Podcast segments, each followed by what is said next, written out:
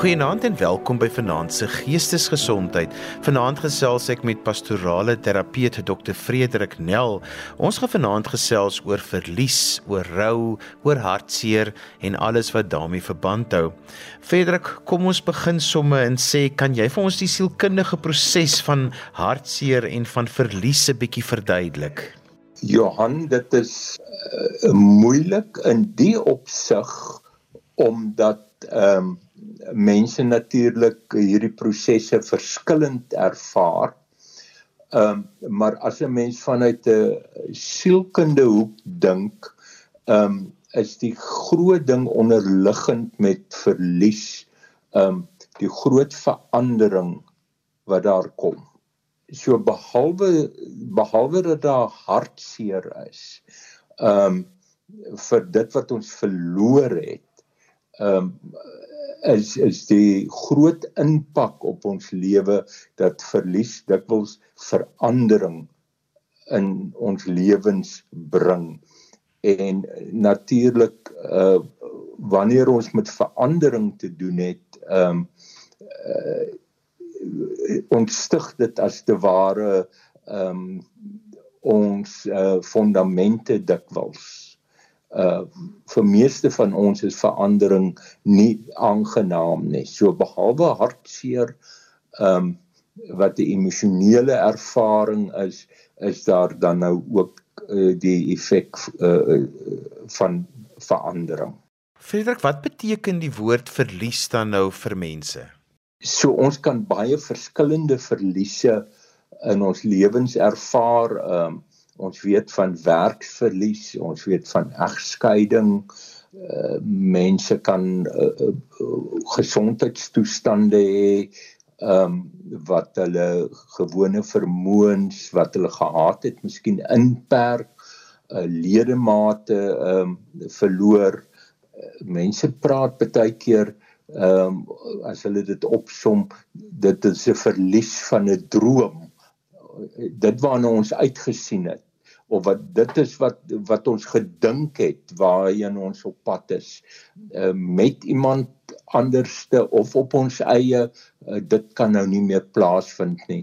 Byvoorbeeld net om ouer te word kan 'n uh, uh, verlies wees van jeugdigheid byvoorbeeld Frederik net die feit dat jy nou vir my sê dat verlies het te doen met verandering maak dit amper dat ek 'n kopskuif kan maak om te sê dat verlies is nie vir my die eindpunt nie, dit is baie keer ook die beginpunt van iets. Jy vat dit eintlik baie goed saam. Dat met verlies kom daar die uitdagings om om nie te dink weer. Ehm um, en dis net as ek dit nou so sê klink dit miskien nou oor vir eenvoudiging. Ehm um, want verlies kan ons natuurlik ook vir baie lank vashou sodat ons nie nuut kan dink dit net nie reg kry om nie te dink nie. Frederik, wat is die emosies wat saam met verlies gaan? Van die eerste uh, of of van die sterkste emosies is ehm um, is nou maar die hartseer ehm um, oor dit wat nie meer is nie. Ehm um, of dit iemand in ons lewens is wat nie meer daar is nie of dit 'n vriendskap is uh wat tot nik gegaan het. So dit is die hartseer um emosies. Maar uh is vreemd genoeg uh is kan selfs woede 'n baie sterk um emosie wees wat wat saam met verlies uh loop. Um uh woede oor die veranderende omstandighede um uh, woede vir wat ook al aanleiding gegee tot die verlies of dit 'n ongeluk is of dit 'n siekte toestand is um of dit 'n kollega is 'n uh, werkgewer um uh, so woede is 'n sterk emosie wat dikwels um die hartseer en die woede mekaar afwissel in in die in in die prosesse van verlies ehm um, hantering. Frederik, toe ek jonger was, het ek gedog dat rou het net te doen met wanneer jy 'n geliefde aan die dood afstaan, maar soos ek ouer word, het ek oor baie meer dinge begin rou en verliese as wat ja. as net dit. rou is die uh die proses waardeur ons gaan of die take wat ons uh, moet verrig ehm um, uh, wat in in reaksie op op die treur.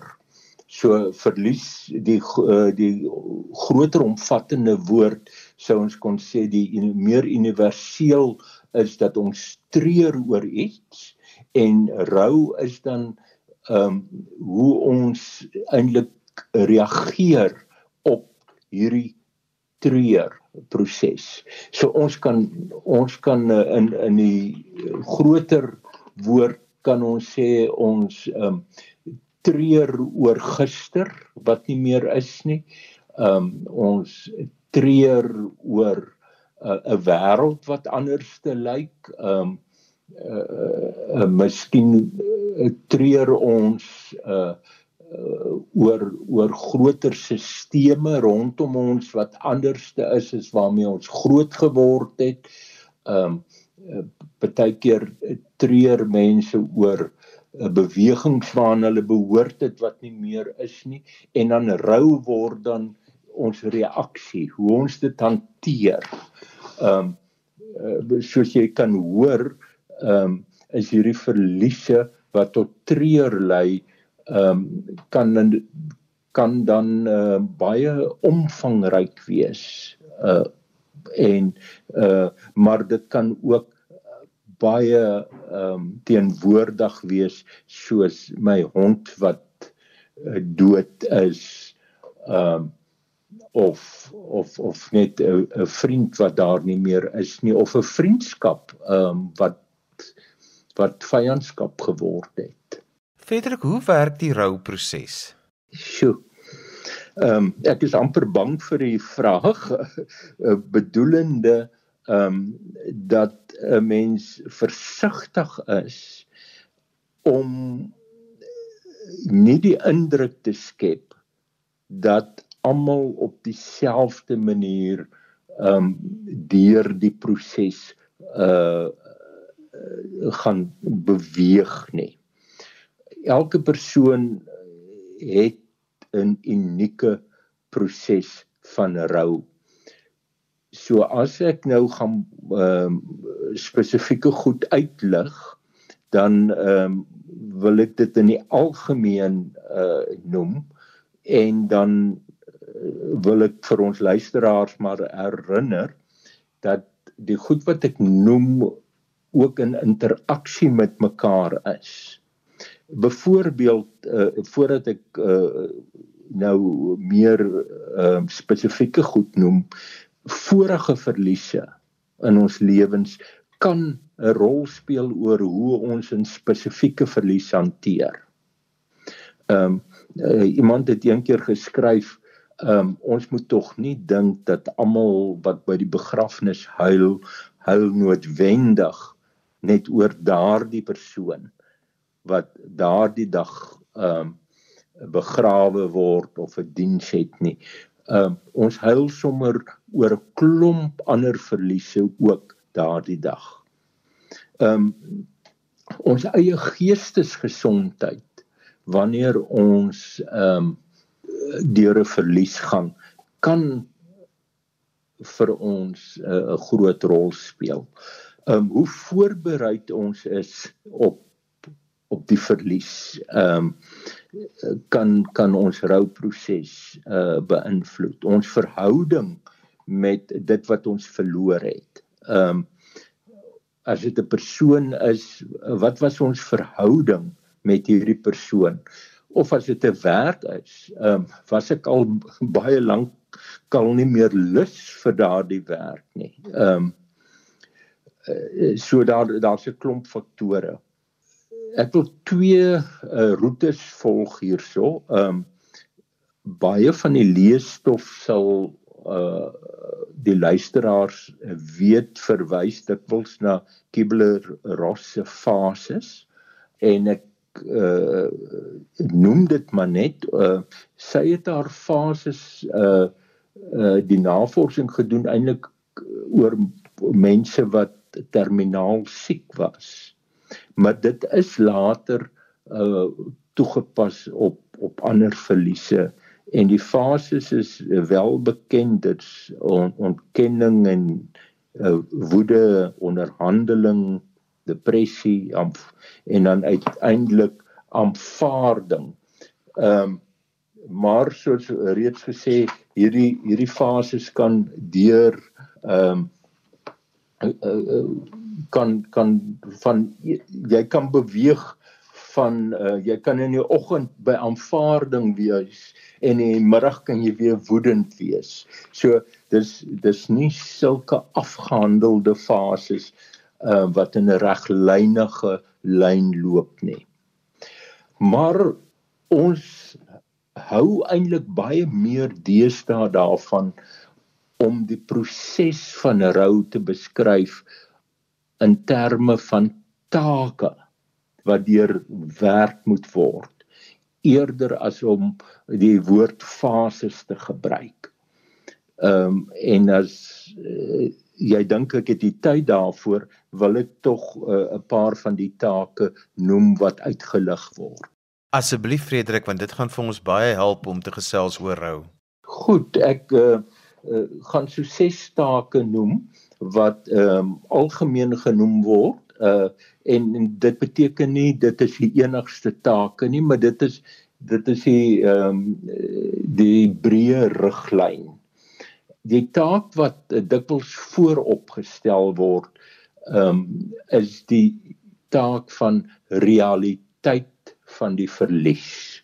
Ehm um, en 'n mens sou as jy nou weer na Kubler-Ross wil ehm um, teruggaan ehm um, waar sy uh, ontkenning dikwels as die eerste fase beskryf het. Ehm um, uh, sluit dit eintlik daarbey aan wanneer ons sê die die realiteit van die verlies is baie belangrik. Ehm um, dat 'n mens besef hierdie verlies is nou regtig.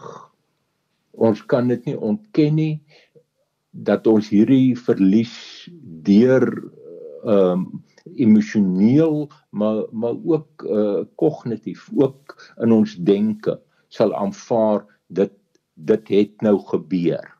Dit is natuurlik goed wat byvoorbeeld 'n egskeiding so moeilik maak want dit dikwels 'n lang uitgerekte proses waar mense dikwels weer 'n bietjie hoop het as iets gebeur en dan weer teruggaan en sê maar dit is nou so en dan is daar al die wetlike goed wat baie keer lank uitgerek kan wees.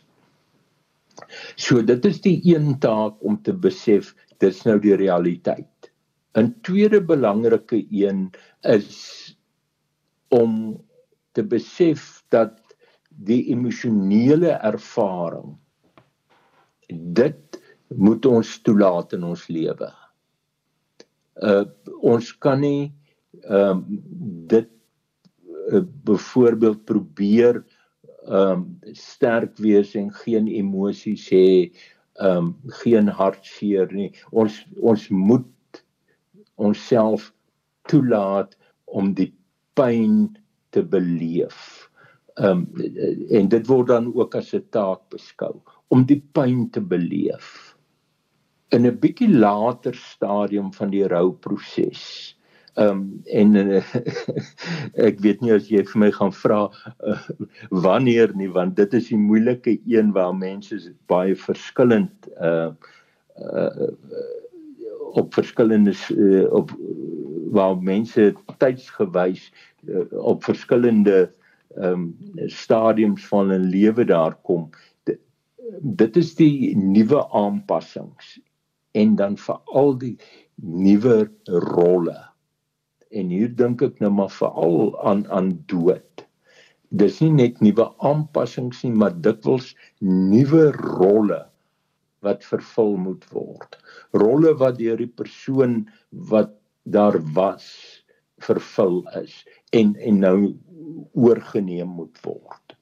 Ehm um, en en dit so dit gaan saam met die aanpassing hierdie nuwe rolle rondom dood spesifiek ehm um, maar ook ehm um, met met ander verliese is nog 'n taak dat 'n mens wel oor die verlede moet dink en dikwels in viering daarvan moet hou. En veral as iemand dood is, dat mense rondom sekere dae en geleenthede ehm um, erkenning gee aan aan die persoon. Dit is ehm um, dit kan pynlik wees, uh, maar om deur die taak te gaan en as en te eh, 'n uh, viering te hou van hierdie persoon uh, se lewe um, of hierdie hondjie uh, of of hierdie werk wat ek gehad het um, want dit maak dit vir ons moontlik om op daardie punt te besef dit is iets wat in die verlede was. 'n taak wat miskien vreemd op party mense se ore kan uh, val is die een dat ons het moet erken dat alles van die verlies nie goed of sleg was nie. Wat ek daarmee bedoel is kom ons vat maar weer iemand wat wat dood is ons mag oor hierdie persoon negatiewe en positiewe gedagtes hê as te ware teenstrydige gevoelens of ook, of oor die werk wat ek het ehm um, negatiewe en positiewe gevoelens hê oor die werk wat ek verloor het of as ek 'n been verloor het ehm um, mag ek sê eh, maar dit die been het my eintlik al lankal gepla en dis 'n verlies maar ek is ook bly dat ek van die pyn ontslaa is van die been. So dan mag dikwels hierdie teenstrydige gevoelens wees en een van die take is om ook hierdie teenstrydige gevoelens ehm um, met met onsself te kan kan uitwerk in ons kop om om vrede te maak dat daar hierdie teenstrydighede is. Soos hulle altyd sê geen persoon is ehm uh, is of 'n 'n 'n engel of 'n duiwel nie. Ons moet hierdie teenstrydighede mee gemaklik kan raak om aan te beweeg. Want dis waaroor die take gaan. Dit gaan oor die aanbeweeg. En dan natuurlik wat ons graag sou wou sien dat ons op die punt sal kom waar ons minder emosionele energie in die rou insit maar meer energie oor het om her te belê eh, op die in die pad vorentoe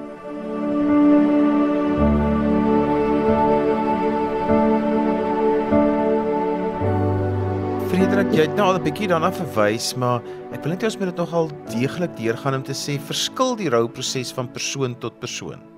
Verseker. 'n uh, Party persone, veral as mense voorberei is, kan baie vinniger op die punt kom waar hulle emosionele energie kan herbelê in in in die toekoms vir uh, waar hulle op die punt kan kom waar jy weer kan herstruktureer aan jou drome.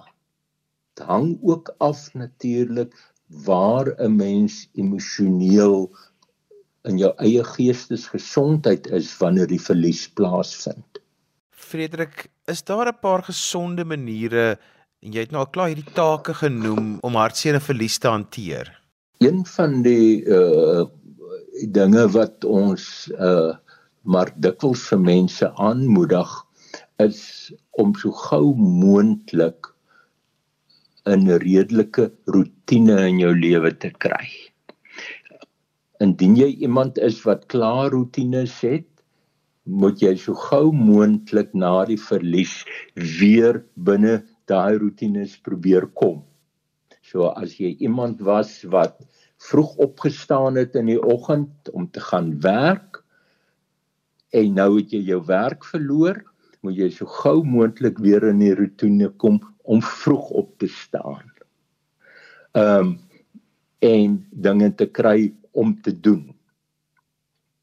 As jy uh, vroeg opgestaan het en jy uh, vir 'n uh, lewensmaat koffie gemaak en nou is die lewensmaat nie meer daar nie, moet jy nog altyd daardie tyd opstaan en vir jouself koffie gaan maak.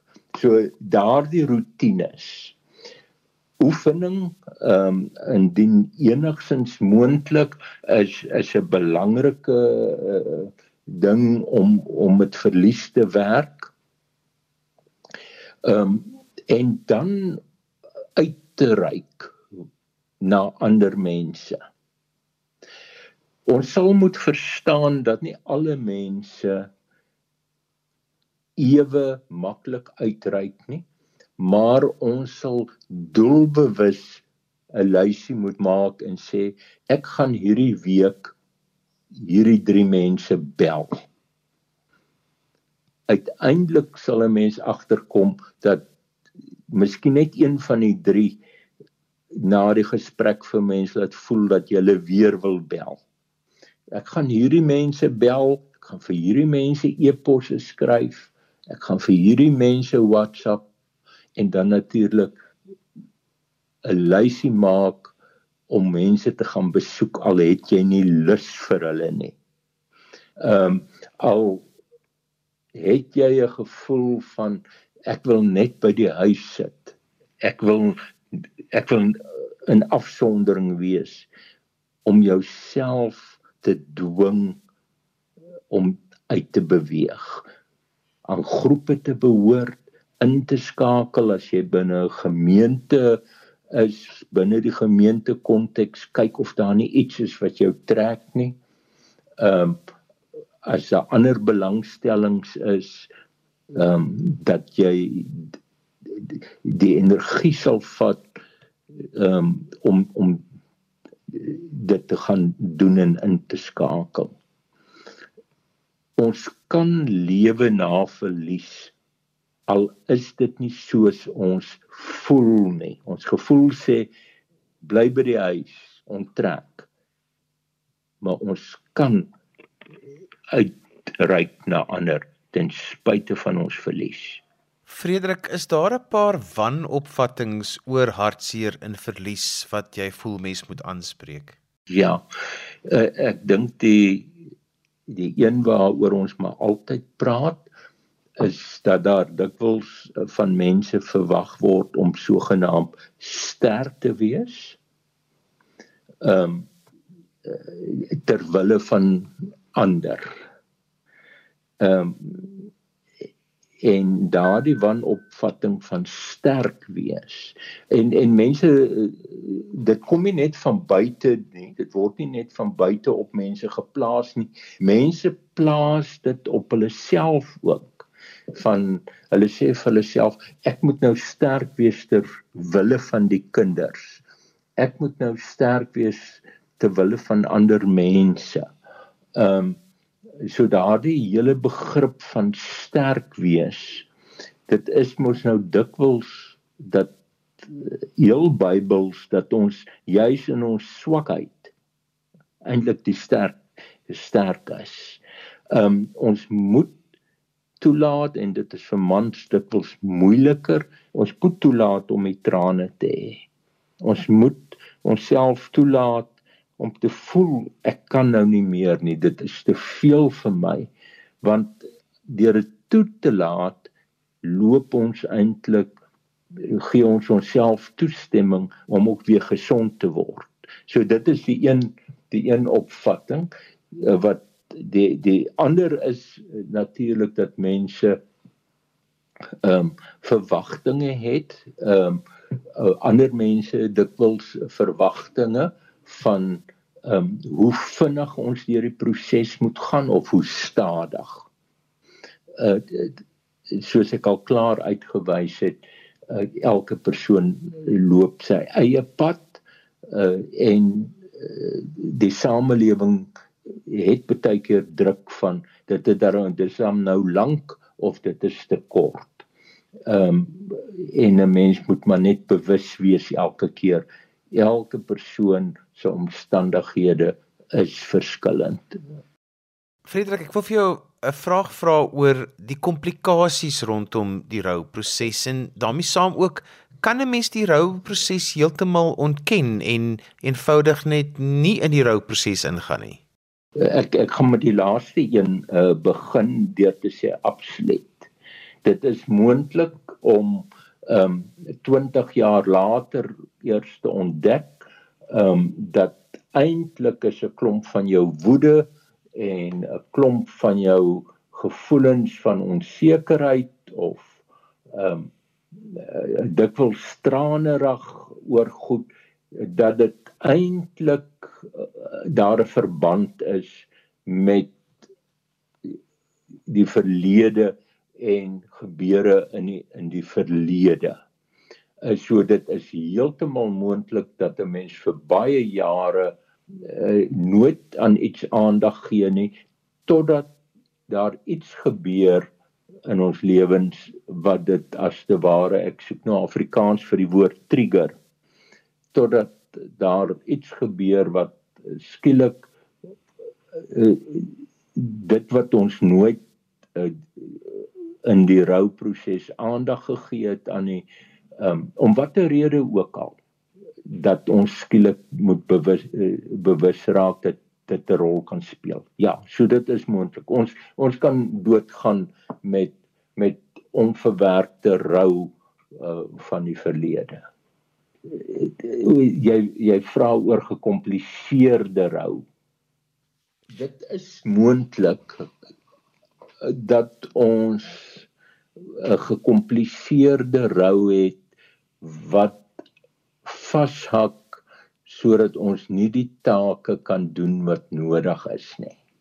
Partykeer um, is daar 'n vreeslike verheerliking van 'n persoon en ons hak vas by 'n uh, voortdurend aan hierdie persoon um, 'n 'n betekenis te gee dat uh, wat maak dat ons nie kan aanbeweeg nie. En skuldgevoelens wat 'n normale proses van rou is omtrent in ons almal se rouprosesse is daar altyd skuldgevoelens. Maar hier mag skuldgevoelens wees wat ons nie geïdentifiseer kry nie. En dan idealiseer ons 'n persoon en dan sit ons met met 'n komplekse rou. Dit kan ook wees dat ons klaar 'n klompie ander ehm um, geestesgesondheidsprobleme het. Ehm um, soos uh ek ek ons kan 'n gekompliseerde de, depressie hê wat nie gehanteer is nie of sukkel of 'n weerstandige depressie. Ehm um, wat maak dat almal ons beskerm rondom die rouproses. Ehm um, en almal wil keer dat ons in die rouproses eintlik ingaan want mense is bekommerd wat gaan met ons depressie gebeur.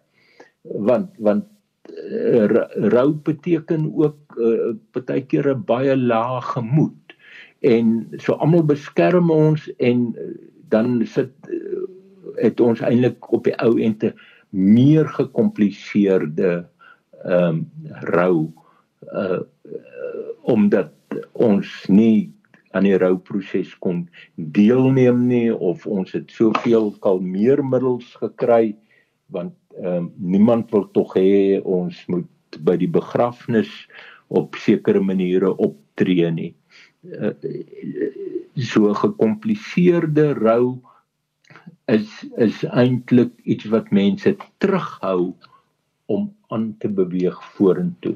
Mense kan natuurlik ook psigoties word wat nou 'n psigiatriese ehm um, toestand is uh, as gevolg van uh die groot klomp veranderinge en en ander onderliggende geestestoestande.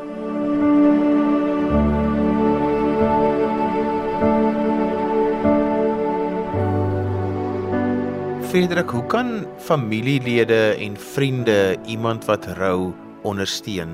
Hulle praat mos maar van die groot stilte want aan die begin is daar mos nou baie mense wat rondom jou is en dan kom daai stilte in. Ja. Ja. Ehm um, ek ondersteuning daar's daar's soms goed bedoelde ondersteuning wat nie vir mense doen wat ons dink te doen nie. Uh so ons hoef nie vir mense bemoedigende woorde ehm uh, te gee nie tensy ons baie mooi oor die woorde gedink het. so so dikwels is die bemoedigende woorde ehm um, nie die ondersteuning nie wat iemand nodig het of 'n familie nodig het nie. So ons moet versigtig wees met ons woorde. Maar eh, telefoonoproepe um, om net dag te sê en te sê ek dink aan jou of jy's in my gedagtes. Um dit beteken wonderlike vir, eh, vir familie um en in enige verlies net die wete ek dra dit nie alleen nie maar ons hoef nie te preek vir iemand nie ons hoef nie Bybelverse noodwendig te stuur nie en as ons dit stuur moet ons mooi dink oor die Bybelvers en ons moet regtig nie elke dag 'n nuwe Bybelvers stuur nie. Ons ons moet baie sinvol ehm um, vir mense ehm um, probeer bemoedig besoek dink ek uh, kan uh, kan goed wees. Mens kan maar vra pas dit nou vir jou maar kort besoeke. Ehm um, nie nie iemand se deur deur trap nie en ook nie ure lank ehm um, besoeke doen nie. Uh, so ondersteuning kan fisies wees ehm um, en dit kan dit kan sommer net wees om 'n WhatsApp te sê jy was ver oggend in my gedagtes. Frederik, watter rol speel rituele in die rouproses? Ja, ja. Uh, ons is mos maar eintlik die moderne samelewing uh, is eintlik meer arm aan rituele. Ek ek dink rituele kan baie belangrik wees. Ehm um, en dit kan help as ons 'n bietjie kreatief wil dink aan watter rituele gebruike het die persoon sê nou maar wat dood is. Ehm um, watter rituele sou die persoon van gehou het. Ehm um, en en miskien daarbey aan te sluit. Uh sê nou maar rondom 'n verjaarsdag uh, vriende te nooi vir ete. Ehm um, die persoon was lief vir kos maak. Uh, die persoon was lief vir ander mense en uh, nou nadat die persoon oorlede is, nooi jy met die eerste verjaarsdag vriende. Ehm um, as as 'n ritueel van eet, ehm um, en sommer net te gesels. Ehm um, uh, ons moet ook dink oor rondom begrafnisrituele wat vir ons waarde het wat vir die persoon sou waarde gehad het. Um, en en soms uh, moet daar uh, in ons rituele moet ons net bietjie kreatief dink kan ons 'n boom gaan plant um, en vriende bymekaar bring as 'n persoon van natuur gehou het um, ja so ek dink die rituele is nie om die persoon weer op te roep nie ehm um, ehm um, teenwoordig te bring nie maar om te erkenning te gee dat die persoon ehm um, deel van ons lewens is. Want daar is 'n punt waar ons kan sê dat dit wat verlies is wat die verlies veroorsaak het is eintlik altyd deel van ons.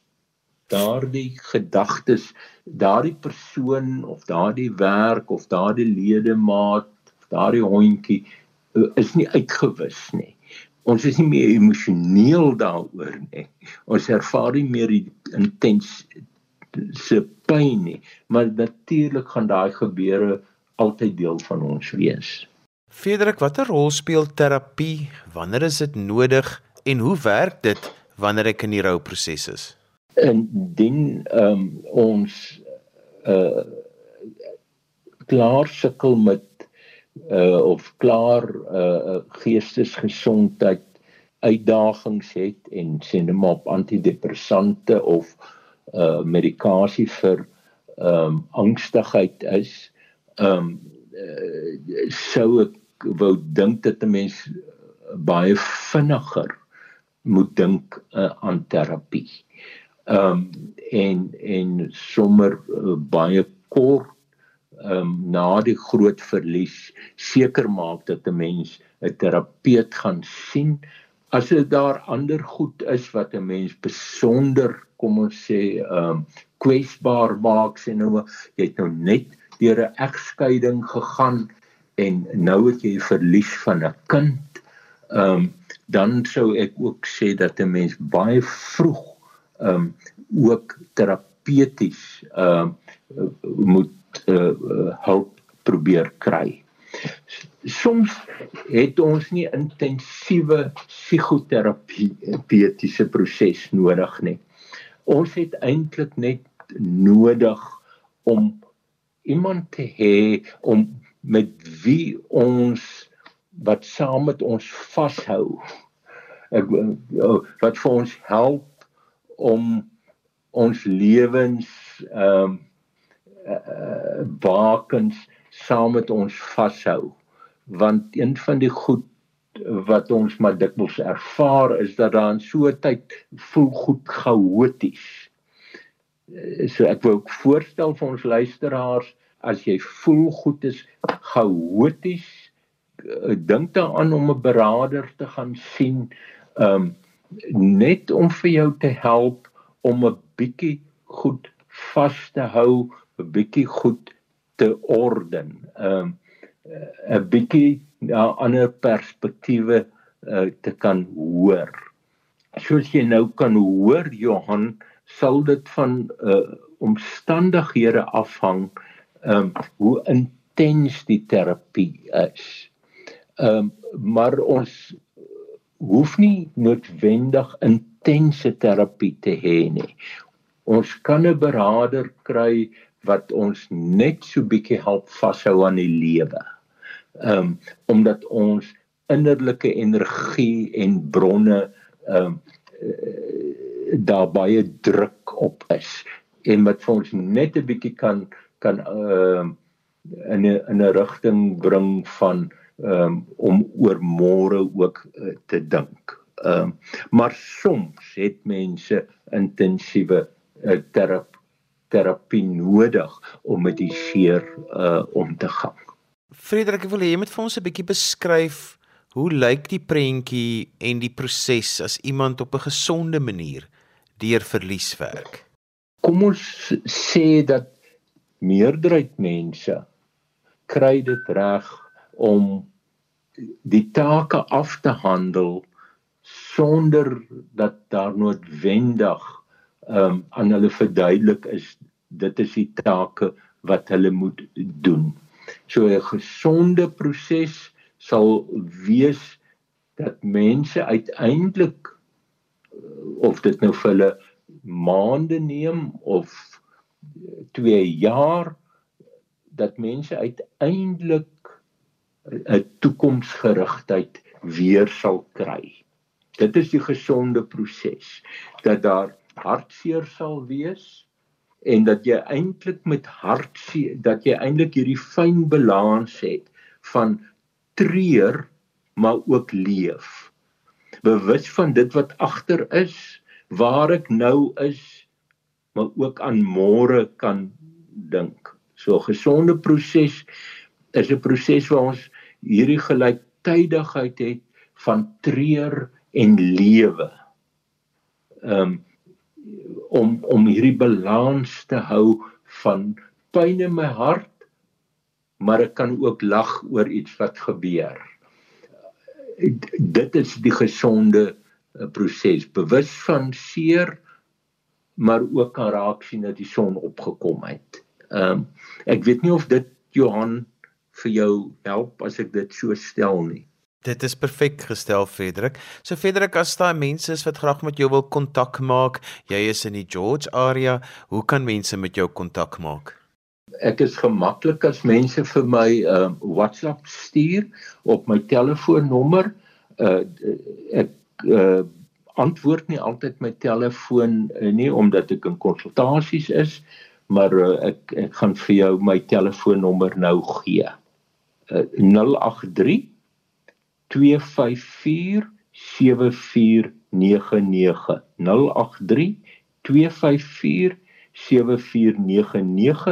en stuur vir my 'n WhatsApp en ek sal wanneer ek uh, die kans het al is dit ook die volgende dag uh, antwoord op op die WhatsApp En so gesels Dr. Frederik Nel, pastorale terapeut. Ons het vanaand gesels oor rou, verlies en alles wat daarmee gepaard gaan. Frederik, baie dankie. Dit was heerlik om met jou te gesels. Dankie, Johan.